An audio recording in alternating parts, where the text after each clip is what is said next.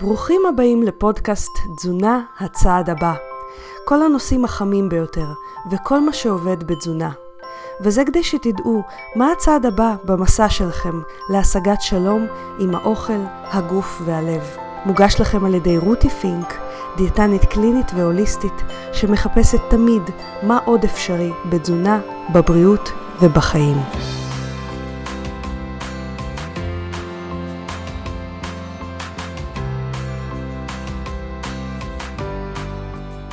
היי חברים, רותי פינק כאן. למי שלא מכיר אותי, אני דיאטנית קלינית והוליסטית שמתמחה בתזונה דלת פחמימות, קטו וצום לסירוגין, לאיזון סוכר, משקל וסינדרום מטבולי אצל המטופלים שלי.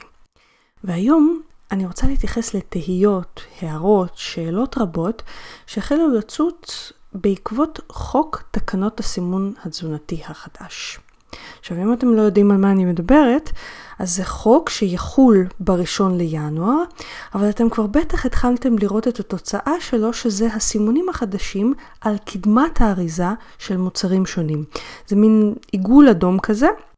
שבו כתובים כל מיני דברים כמו סוכר בכמות גבוהה, נתרן בכמות גבוהה, אה, שומן רווי בכמות גבוהה. עכשיו, על הסוכר יש דרישה נוספת בחוק, וזה לציין את כמות הסוכר מתוך סך הפחמימות ככפיות סוכר. אלה סימוני החובה, ובמקביל אליהם יהיה סימון ירוק, שכתוב עליו פשוט סימון ירוק, ועל כולם אני אפרט בהמשך. לפי פרסומי משרד הבריאות, המטרה של הסמלים בחזית האריזה היא לעזור לצרכנים בסופר לבחור נכון. והרעיון הוא כזה, תעשיית המזון מפתחת מוצרים מוכנים לאכילה בזמינות שהולכת וגדלה, אנחנו לא יכולים להתעלם מזה. עכשיו המוצרים האלה לעיתים קרובות עשירים בסוכר, בשומן רווי, בנתרן. הרכיבים האלה, לפי משרד הבריאות, קשורים למחלות כרוניות ועודף משקל. שוב, זה ציטוטים מתוך uh, מצגת שקיבלנו הדיאטניות ממשרד הבריאות. אני כמובן אתייחס לכל הדברים האלה לאור הידע שאתם רגילים לקבל ממני והזווית האישית שאני מסתכלת עליה בהמשך. אבל נחזור לעמדה של משרד הבריאות. המטרה של הסימון כפי שהיא מוצרת על ידי משרד הבריאות זה התייחסות למזון כאל מכלול ולא כאל סך רכיביו, שזו מטרה בעיניי מאוד מאוד מבורכת תכלס, כי אנחנו אוכלים אוכל, לא רק פחמימות שומנים וחלבונים. ואגב, ברוב הדברים אין רק שומן או רק חלבון או רק פחמימות. בדרך כלל האוכל שלנו הוא תערובת של הכל ביחד. למשל בקבוצת דלי פחמימות ישראל, אמ, שאני מנהלת בפייסבוק, מוזמנים כמובן לחפש אותי, יש לינק בהערות, אז הרבה פעמים שואלים נגיד דברים כמו, קינוע זה חלבון או פחמימה? בתכלס זה גם וגם, אבל כיוון שהיא עשירה בפחמימות, אז בתזונה דלת פחמימות אנחנו מתייחסים אליה כפחמימות. אז בואו נחזור לסימון התזונתי. המטרה השנייה של הסימון החדש כמו שמשרד הבריאות מציג אותה כמובן, היא לעודד צריכת מזונות הקרובים ביותר לצורתם הטבעית, שזה כמובן עוד מטרה סופר מבורכת בעיניי, כי מה שאנחנו כן רואים זה עיוות אה, חוש הטעם והשובע על ידי זה שאנחנו צורכים המון מזונות מעובד, מעובדים. זה החמרה של הסינדרום המטאבולי, אז זה משהו שהוא לחלוטין מבורך. המטרה האחרונה והחביבה היא לעודד צריכה של תזונה ים תיכונית, שזו תזונה שעשירה מאוד בפירות וירקות, דגנים, קטניות, מוצרי חלב, דלי שומן, דגים, שמן זית בכמות גבוהה, זה לא תזונה אגב דלת שומן, אוקיי? והיא כן בעצם יותר מבוססת צומח, היא ממש לא טבעונית. אבל היא יותר מבוססת צומח, והיא כן שמה דגש על הפחתה מסוימת של מוצרי עופות ובקר. שזה כמו שאתם שומעים, פחות קרוב למה שעושים בתזונה דלת פחמימות או קטו, אבל מן הסתם בהחלט יכול להשתלב בצום לסירוגין. עכשיו אני רוצה להגיד משהו על תזונה ים תיכונית.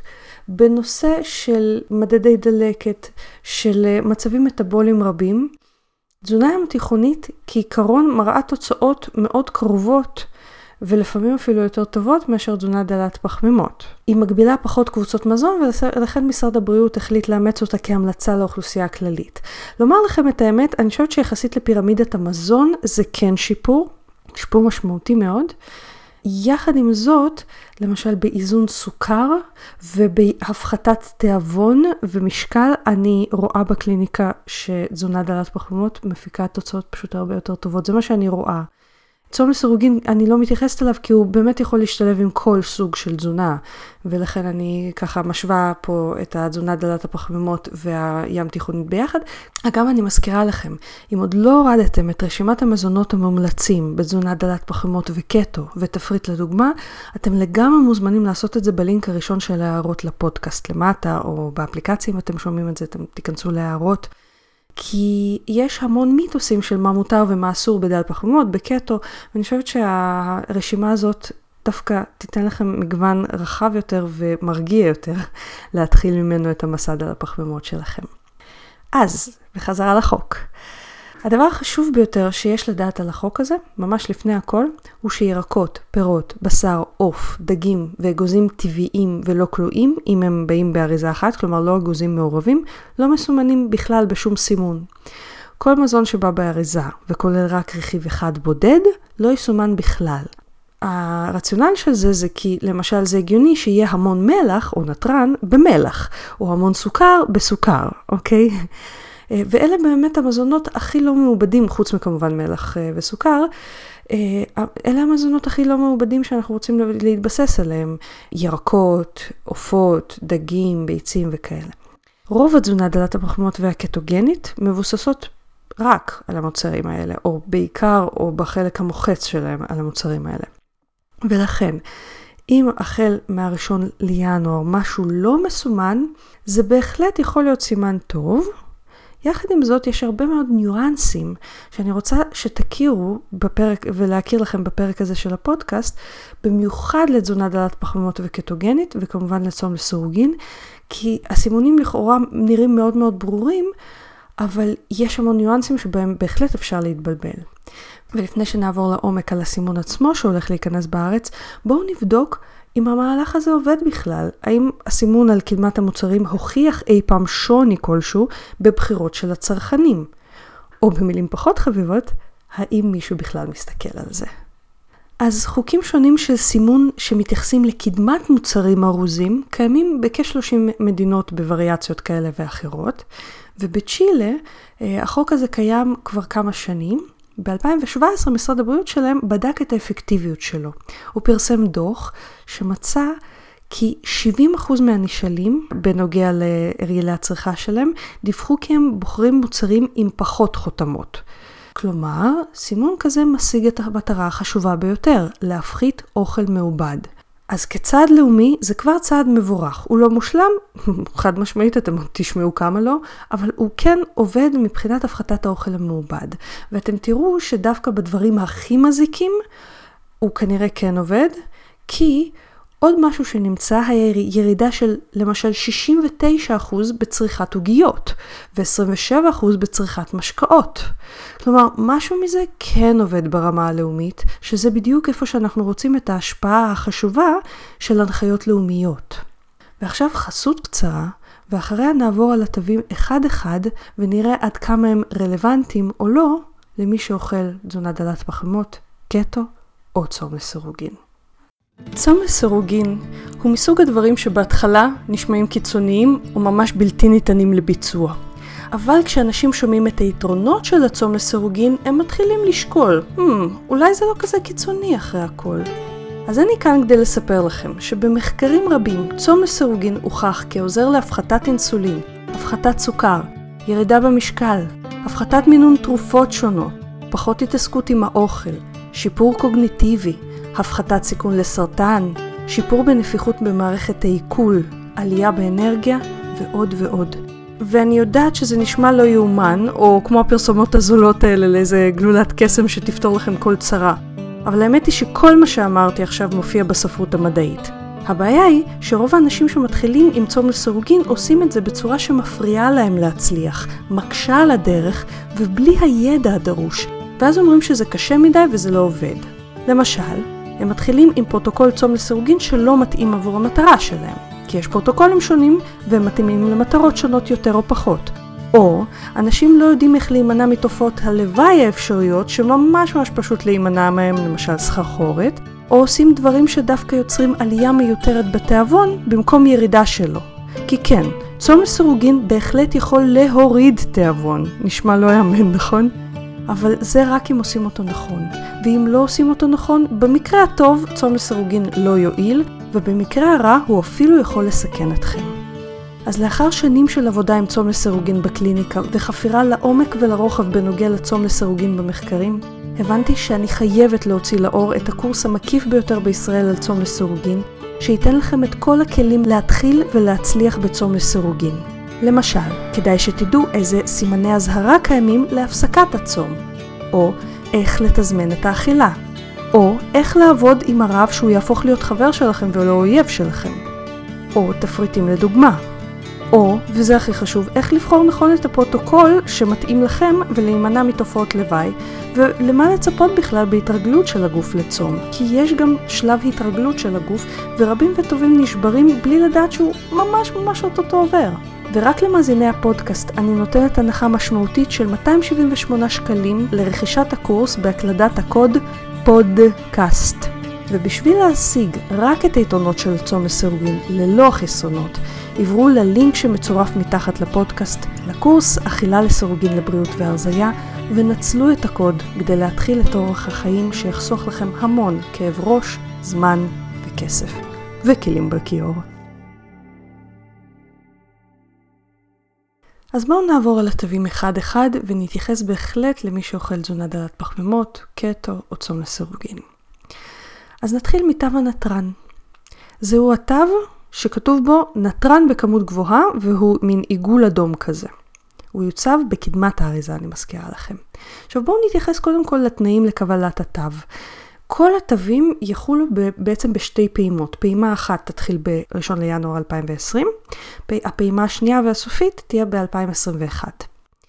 אז התנאים לקבלת התו מתייחסים גם למזון מוצק, כמו למשל, אני סתם זורקת דג מלוח, וגם למזון נוזלי, למשל רוטב סויה. אז התנאים לקבלת התו, אני אתייחס רק למזון מוצק לקצר את הזמן, כמות הנתרן צריכה להיות מתחת ל-500 מיליגרם למזון מוצק, ושנה הבאה, ב-2021, החל מ-400 מיליגרם ומעלה נתרן ל-100 גרם מזון מוצק. מי הכי נכנס לקטגוריה הזאת בענק? רוב החטיפים. ורוב הג'אנק פוד עלולים למצוא את עצמם בקטגוריה הזאת, וזה סופר מבורך בעיניי. יחד עם זאת, גם חלק מהגבינות הקשות, שמכילות יותר מרכיב אחד, עלולות למצוא את עצמן שם. גם חמוצים וזיתים שאנחנו בהחלט יכולים לאכול בתזונה דלת פחמימות, עלולים למצוא את עצמם שם, וגם מזונות גולמיים שכל מה שהוסיפו אליהם זה רק מלח. למשל, טחינה עם מלח, או חמאה עם מלח. למי זה באמת רלוונטי? יש אוכלוסיות שבאמת כדאי שיגבילו את הנתרן שלהם, שזה בעיקר חולי כליה, חלק מהאנשים עם לחץ דם, ואנשים עם נטייה לצבירת נוזלים, כמו חולי לב ומצבים נוספים. אבל בזמן שלאלה חד משמעית מומלץ להפחית נתרן, יש מחלוקת מדעית שלא ממש עדיין חלחלה לשטח לצערי, של האם נתרן בכמות הסטנדרטית לאוכלוסייה, ואני לא מדברת על אכילה של מזונות רק מעובדים, אני מדברת על סך כל הנתרן שנצרך כיום, האם הוא באמת מזיק לאוכלוסייה הכללית. כי בניגוד למה שאנחנו שומעים מהעיתונות, וגם מאנשי מקצוע רבים, ואפילו ממשרד הבריאות, כמה הנתרן מזיק, או כמה לחץ הדם מושפע מנתרן, זו שאלה מאוד מאוד גדולה. אני אגיד לכם, לפני 11 שנה עוד, אה, סיימתי את אה, לימודי התזונה שלי, כולל סטאז'. כלומר, לפני 14 שנה נתקלתי בספר הלימוד של תזונה, שרק 50% מהאנשים עם לחץ דם מגיבים בכלל להפחתת נתרן בהורדת לחץ דם. שאר 50% מהאנשים עם לחץ דם בכלל לא השתפרו מזה שצמצמו להם את הנתרן באוכל. אז גם אנשים עם לחץ דם לא כולם מגיבים לזה. אז ברמה הלאומית העניין של הגבלת נתרן הוא קצת תמוה בעיניי, ולכן הנטייה ללכת על הפחתת נתרן לא ברור אם היא מספיק מבוססת מדעית. אני כן רואה את היתרון בסימון של הנתרן על האריזות, כי שוב, המפסידים הגדולים מהסימון הזה יהיו הג'אנק פוד, שזה נהדר להוריד את זה אצל כולם. אבל בקשר לשאר, שאלה, למשל במחקר שאני שמה לכם את הרפרנס שלו בהערות לפודקאסט, במחקר שפורסם ב-2014 ובדק כעשרת אלפים איש בצורה מעמיקה ביותר, ראה שאחוזי התמותה דווקא ירדו בצריכה של 3 עד 6 גרם נתרן ליום, שזה בתרגום לכפיות מלח שטוחות, זה בין 2 עד 4 כפיות מלח ליום, שזה המון. עכשיו אנחנו מדברים צריכת נתרן כוללת ליום. כשאני מדברת על צריכת נתרן כוללת, זה לא כמה שימוש במלחייה יש, כי המלחייה תכלס היא לא מהווה כל כך הרבה מהנתרן שאנחנו מקבלים ביום. היא מהווה בממוצע 30 עד 40 אחוז בתזונה המערבית, ולכן כצעד לאומי לסמן מוצרים עודפים בנתרן, ששוב, זה בעיקר ג'אנק פוד ומזונות מעובדים, בהחלט יפחית את הג'אנק פוד. מה שהאוכלוסייה הכללית יכולה לקבל מזה זה שמלח זה אסור. בואו נתייחס רגע מה קורה בתזונה דלת פחמימות קטוגנית או בצום לסירוגין, כי פה זה כבר יותר טריקי. בתזונה דלת פחמימות או קטוגנית, ככל שאנחנו מפחיתים את כמות הפחמימות, יש לנו נטייה לאגור פחות נתרן בגוף ולהפריש אותו יותר. זה קשור לזה שאינסולין, שיורד בתזונה דלת פחמימות, יוצר הגירת נתרן די משמעותית על ידי מניעת הפרשתו בכליה. אני שמה לכם גם את הרפרנסים לזה. כלומר, פחות אינסולין, פחות נתרן נאגר ויותר מופרש. אם אנחנו רוצים לשמור דווקא על לחץ דם, במיוחד אנשים עם. נטייה ללחץ דם נמוך יותר, אנחנו דווקא רוצים לצרוך קצת יותר מלח. שוב, זה לא המלצה לכולם, כי יש אנשים עם תרופות מסוימות שלא מומלץ להם להגביר מלח, יש אנשים באמת שכן מגיבים בעליית לחץ דם אה, משמעותית ביותר למלח. אז זה לא המלצה כללית, אבל בגדול הנטייה היא להרבות יותר במלח בתזונת דלת פחמימות בגלל ההפרשה הגדולה יותר שלו. עכשיו, אותו מנגנון מופעל גם בצום לסירוגין. ככל שאנחנו מתרחקים מהפעם האחרונה שאכלנו, כמות האינסולין יורדת. ואיתה, שוב, אגירת הנתרן בכליה והפרשה שלו עולה. אגירת נתרן יורדת בגוף, והפרשה של הנתרן עולה כי האינסולין יורד. ולכן, בשני המצבים, תזונה דלת פחמימות וצום לסירוגין, הם שניהם יוצרים מצב של השתנה משמעותית יותר, ואיתה שחרור משמעותי יותר של נתרן. זו אחת הסיבות הגדולות למה בתזונה דלת פחמימות, במיוחד בקטו, ובצום לסירוגין ככל שהוא ארוך יותר, מומלץ דווקא לתסף מלח, כי אנחנו מאבדים אותו בצורה די משמעותית. ולכן, לתו המלח יש פחות יתרון בעיניי למי שאוכל תזונה דלת פחמימות, קטו או פשוט צם לסירוגין. אז השורה התחתונה, ככל שאתם אוכלים פחות פחמימות או צמים לסירוגין, כך מצד אחד התו הזה פחות רלוונטי אליכם, אלא אם כן התו הזה מגיע ממזונות מעובדים שאתם קונים. ועוד אלא אם כן, אם יש לכם לחץ דם או צבירת נוזלים משמעותית ממחלות נוספות שבהם אתם חייבים כן להפחית נתרן, זה אחלה תו בשבילכם. איפה זה כן תו שהוא רלוונטי לכולם? במזונות מעובדים. במבה, ביסלי ועוד כהנה וכהנה, שימו לב להימנע מהם. ואנחנו נעבור לתו השומן הרווי. אז כאמור זה תו עם עיגול אדום, שכתוב בו שומן רווי בכמות גדולה. בואו נתייחס רגע לקריטריונים לסימון. הקריטריונים בפעימה הראשונה ב-2020 יהיו מעל 5 גרם שומן רווי ל-100 גרם, ובעוד שנה מעל 4. עכשיו, אני כן רוצה להתחיל עם הבעייתיות של הסימון, דווקא כי אני יודעת שרוב המקשיבים לי הם דלי פחמימות, או חושבים על זה, קטו וצום לסירוגין. אז חלק ניכר מהמחקרים שעליהם מבוססות ההמלצות להפחתת שומן רווי והגברת שומן בלתי רווי, הם לא באיכות מספיק טובה שנוכל לסמוך עליהם ברמה לאומית. חלקם אפילו די מעוותים. ב-2017 למשל, פורסם אחד המחקרים המפורסמים בנושא השומן הרווי לאחרונה, הוא נקרא מחקר הפיור. יש לינק בהערות לפודקאסט אה, למחקר הזה. למחקר היו הרבה מסקנות מעניינות, הוא סקר 135 אלף אנשים מ-18 מדינות, שזה המון, ומצא שדווקא ככל שכמות הפחמימות עלתה, כך הסיכון למוות עלה. אבל החשוב יותר, ככל שצריכת השומן עלתה, כך התמותה דווקא ירדה. ובאופן כללי המחקר לא מצא שום קשר בין צריכת שומן או שומן רווי לבין מחלות לב וכלי דם. עכשיו, לפני שאתם צוהלים, האם אפשר להסתמך רק על מחקר אחד לקביעת בטיחות השומן הרווי? אף פעם לא. מחקר אחד אף פעם לא מהווה כר להפרחה או אישוש חד משמעי של משהו במדעי התזונה. אבל המחקר הזה גדול מספיק כדי להטיל חתיכת צל של ספק על ההמלצות להפחתת השומן הרווי. ובכלל, הרוב המוחץ של ההמלצות שנוגעות לשומן קשור למחקרים אפידמיולוגיים באופן כללי, למשל מחקרי עוקבה, שדיברתי כבר על הבעייתיות שלהם בפרק 20 ו... סליחה, בפרק 19 של הפודקאסט. אז אה, אם אתם רוצים ככה להבין יותר את כל המורכבות של עולם המחקר בתזונה, פרק 19 מאוד מאוד יפתח לכם את העניין בנושא הזה.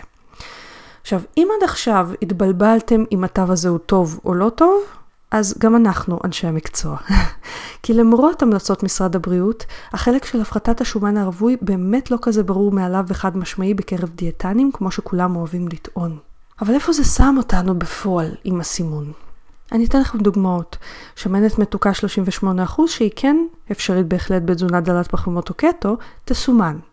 חלק מהגבינות הקשות יסומן. שמנים צמחיים לא יסומנו, שזה נהדר לשמן זית, כי זה בהחלט אחד השמנים הטובים, אבל ממש לא נהדר לשמן תירס או חמניות, שסופר עשירים באומגה 6, שהם חומצות שומן שקל מאוד לחמצן אותן, ועלולות להגביר גם חמצון כולסטרול, שזה. אחת משרשרת התגובות שכן יכולה ליצור איזושהי בעייתיות בעורקים. מה עוד יסומן? שמן קוקוס יסומן, למרות שאין אפילו מחקר אחד שמראה שהשומן הרווי שבשמן קוקוס מביא איכשהו לאיזושהי בעיה רפואית. אגוזים טבעיים שעשירים בשומן לא יסומנו, וזה נהדר בעיניי, אבל תערובות אגוזים כן. כי הם מכילים מספר רכיבים, וכן, אגוזים עשירים בכל מיני סוגים של שומנים, בין היתר גם שומן רווי, לא בכמות כל כך היסטרית, אבל מספיק בשביל לקבל תו. אם זה נגיד אה, שקית של, סתם דוגמה, רק אגוזי מלך, היא לא תסומן כי זה רכיב אחד. אבל אם זה נגיד תערובת של אגוזי מלך טבעיים, פקנים טבעיים, אני סתם זורקת אגוזי ברזיל טבעיים, ולא יודעת מה, שקדים טבעיים, אוקיי? תערובת כזאת, למרות שהכל בה טבעי ונהדר, תקבל סימון. טחינה עם תוספת מלח? כן תסומן. בקיצור, בלגן. אז ההמלצה שלי, לא להיבהל אם כתוב שומן רווי, אבל כן לבדוק את שאר הרכיבים. כי אני מזכירה לכם, אם המוצר קיבל תו, סימן שהוא כבר יותר מעובד מאשר רוב הדברים שהיינו רוצים. כי אני מזכירה לכם, רק מוצרים עם שני רכיבים ומעלה, שאחד מהם הוא לא תבלין, בכלל זוכים לסימון. ואנחנו תכף עוברים לתו הסוכר, לפני זה חסות קצרה. היי חברים, אם אתם עושים הכל ולא מצליחים לרדת במשקל, או שמצליחים לרדת במשקל, אבל זה מלווה בתחושת מלחמה ותסכול, יש סיכוי טוב שאתם מתעלמים מהסימנים שהגוף שלכם שולח. הגוף שלכם מאותת לכם כל הזמן האם חסרה לו אנרגיה או שיש לו מספיק. ואם אנחנו מתעלמים ממנו, אנחנו בעצם פוגעים בסנכרון העדין של ההורמונים השונים שמווסתים את המשקל שלנו. אז אם אתם יודעים לזהות את הסימנים שהגוף שלכם שולח בנוגע לאכילה, למשל, איפה בגוף אתם חשים את הרעב? באיזה מקום? האם אתם בכלל יודעים לזהות אותו? כי יש שני סימנים מדויקים שהגוף שולח שהם רעב. כל השאר אינו רעב, ואנחנו נוטים לאכול מתוך סימנים שהם לא רעב. ואיך אתם למשל יודעים מתי לעצור לאכול? האם זה לפי הכמות שמונחת בצלחת, או שאתם מכירים את הסימנים המדויקים שהגוף שולח בזמן האכילה ולא 20 דקות אחרי? כשאנחנו מתעלמים מהרעב והשובע, או לא יודעים לזהות אותם, אנחנו אוכלים בעודף גם אם אנחנו אוכלים כולה חסה. כי באותו רגע לא חסר לגוף כלום, וזה קצת דומה ללדחוף יותר מדי בגדים למכונת כביסה מלאה. אה, הכביסה לא יוצאת משהו במצב כזה. כי באותו רגע הגוף לא זקוק לשום דבר. הוא אומר לנו, אני בסדר, תתעסקו עם החיים שלכם. אבל אנחנו דוחפים לו את הקלוריות האלה בניגוד לרצונו. ואז אנחנו אכן אוכלים בעודף. וצוברים משקל. אז איך מקשיבים לגוף? ואיך מצליחים לאכול לפי הסימנים שלו בכלל? לשם כך בניתי את הקורס הדיגיטלי לרזות בשפת הגוף. הקורס הזה מאגד את כל הבסיס והידע לתחילת הקשבה לגוף. הוא מכיל סרטונים קצרים וברורים בשפה מובנת ופשוטה, ותרגילים פרקטיים שיעזרו לכם לעשות את הסוויץ' במוח בשביל להתחיל להבין מה הגוף שלכם בכלל מאותת לכם ואיך לאכול לפי השפה שלו. וככה תתחילו, אולי לראשונה בחייכם, לעבוד עם הגוף לירידה במשקל, ולא להילחם נגדו. בקורס תלמדו את הסימנים המדויקים של רע ושובע, ואת התרגילים המנטליים הפשוטים שניתן לעשות על מנת לעזור לעצמנו להקשיב לגוף ולשבור את האוטומטים שאנחנו פועלים לפיהם, שגורמים לנו להתעלם מהבקשות של הגוף שלנו. את כל התכנים של הקורס בדקתי כבר על מאות מטופלים בקליניקה, שלא לומר אלפים, ואין טיפול שבו אני לא מכניסה את התכנים האלה, כי זה פשוט הבסיס להכל. לא משנה מה אתם אוכלים ובאיזה תזונה אתם דוגלים, אם אתם מתעלמים משפת הגוף, אתם תהיו במלחמה עם המשקל. התגובות על הקורס הזה הן למשל, אלוהים, אף פעם לא שמתי לב שהגוף מדבר אליי, וגם איך אף אחד לא סיפר לי את זה. אז אם אתם רוצים להפוך את הגוף לחבר שעוזר לכם לרדת במשקל במקום לאויב שמנסה לחבל לכם בתהליך, היכנסו לאתר שלי, רותי פינק, F כמו פנטזיה, rutifink.com, ובלשונית קורסים דיגיטליים, בתפריט, אתם תמצאו את הקורס לרזות בשפת הגוף. ולמאזיני הפודקאסט יש הנחה על הקורס. אם תקלידו במעמד התשלום את האותיות פודקאסט באותיות אנגלית ראשיות, תקבלו הנחה של 70 שקלים שהם 20% ממחיר הקורס. הגוף הוא המשרת הטוב ביותר שלכם, הוא לא נגדכם. ואתם הולכים לגלות איך לעבוד ביחד איתו כדי להגיע למשקל האופטימלי ביותר עבור שניכם. לרזות בשפת הגוף, עכשיו באתר שלי, רותי פינק, F כמו פנטזיה, rutifink.com בלשונית קורסים דיגיטליים. כי הגיע הזמן להפסיק להילחם באוכל, ולהפוך אותו להיות פשוט אוכל.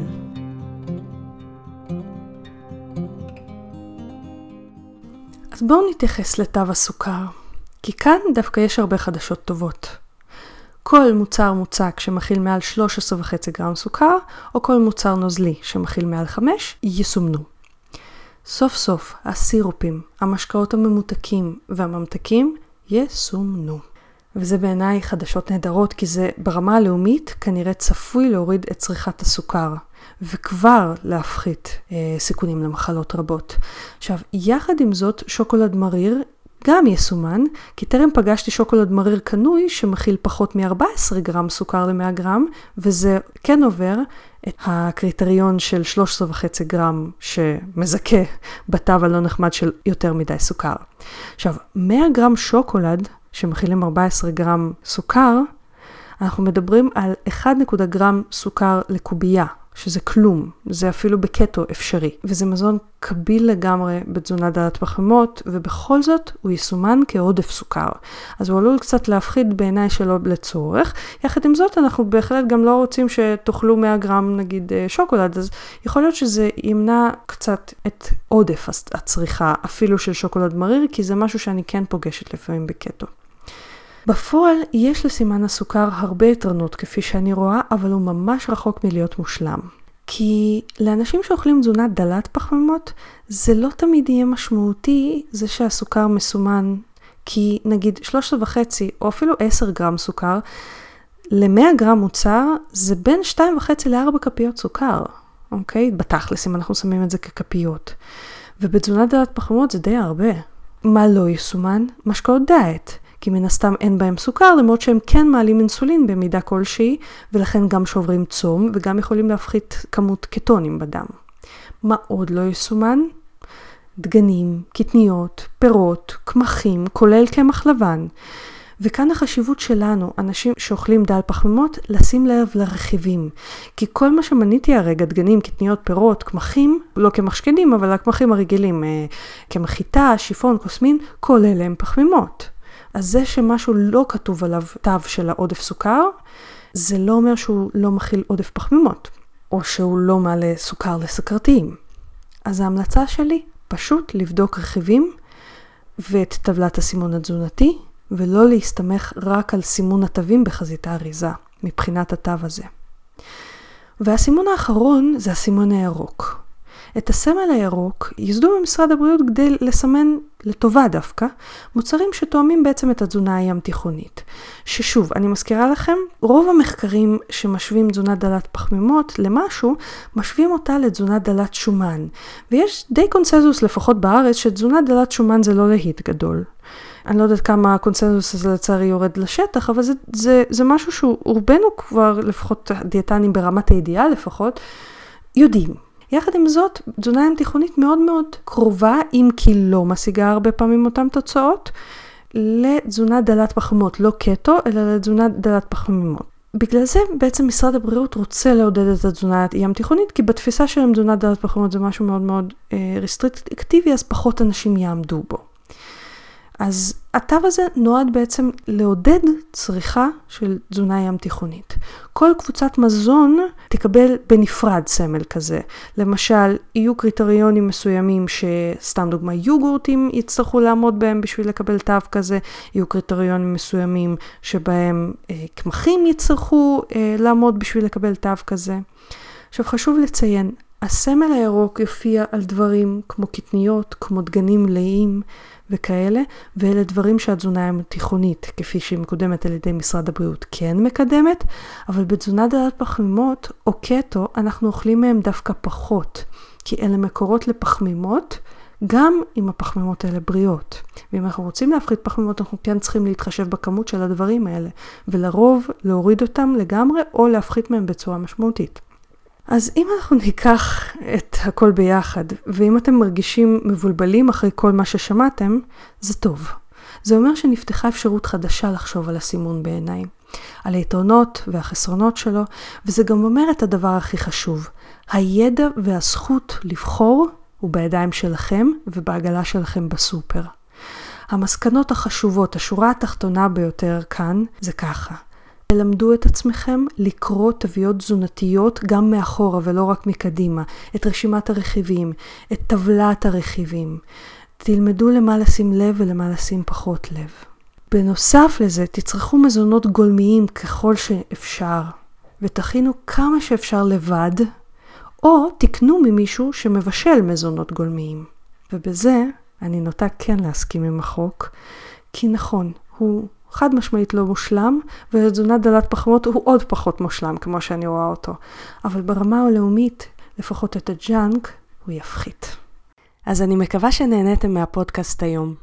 אם אתם רוצים להיות בקשר או לשלוח שאלות לפודקאסט, אתם ממש מוזמנים לבקר באתר של הפודקאסט rutifink.com, פינק כמו F כמו פנטזיה, rutifink.com/פודקאסט.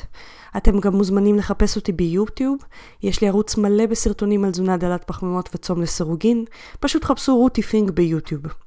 יש לי גם ערוץ באינסטגרם, פשוט חפשו רותי פינק באנגלית, שוב F כמו פנטזיה. אתם ממש מוזמנים לעקוב אחריי גם בפייסבוק. אתם יכולים לחפש אותי פשוט בעברית, רותי פינק, או להיכנס לאחת משתי הקבוצות שאני מנהלת, דלי פחמימות ישראל, והקבוצה צום לסירוגין עם רותי פינק. ואנחנו נשתמע שבוע הבא. תודה שהקשבתם לפודקאסט תזונה הצעד הבא. אני מקווה שנהניתם. חשוב להדגיש שהמידע בפודקאסט מוענק לצורכי העשרה בלבד, והפודקאסט לא מהווה בשום צורה תחליף לייעוץ או טיפול אישי. בכל בעיה רפואית או נפשית יש לפנות למטפל מוסמך. ואנחנו ניפגש בעוד שבועיים.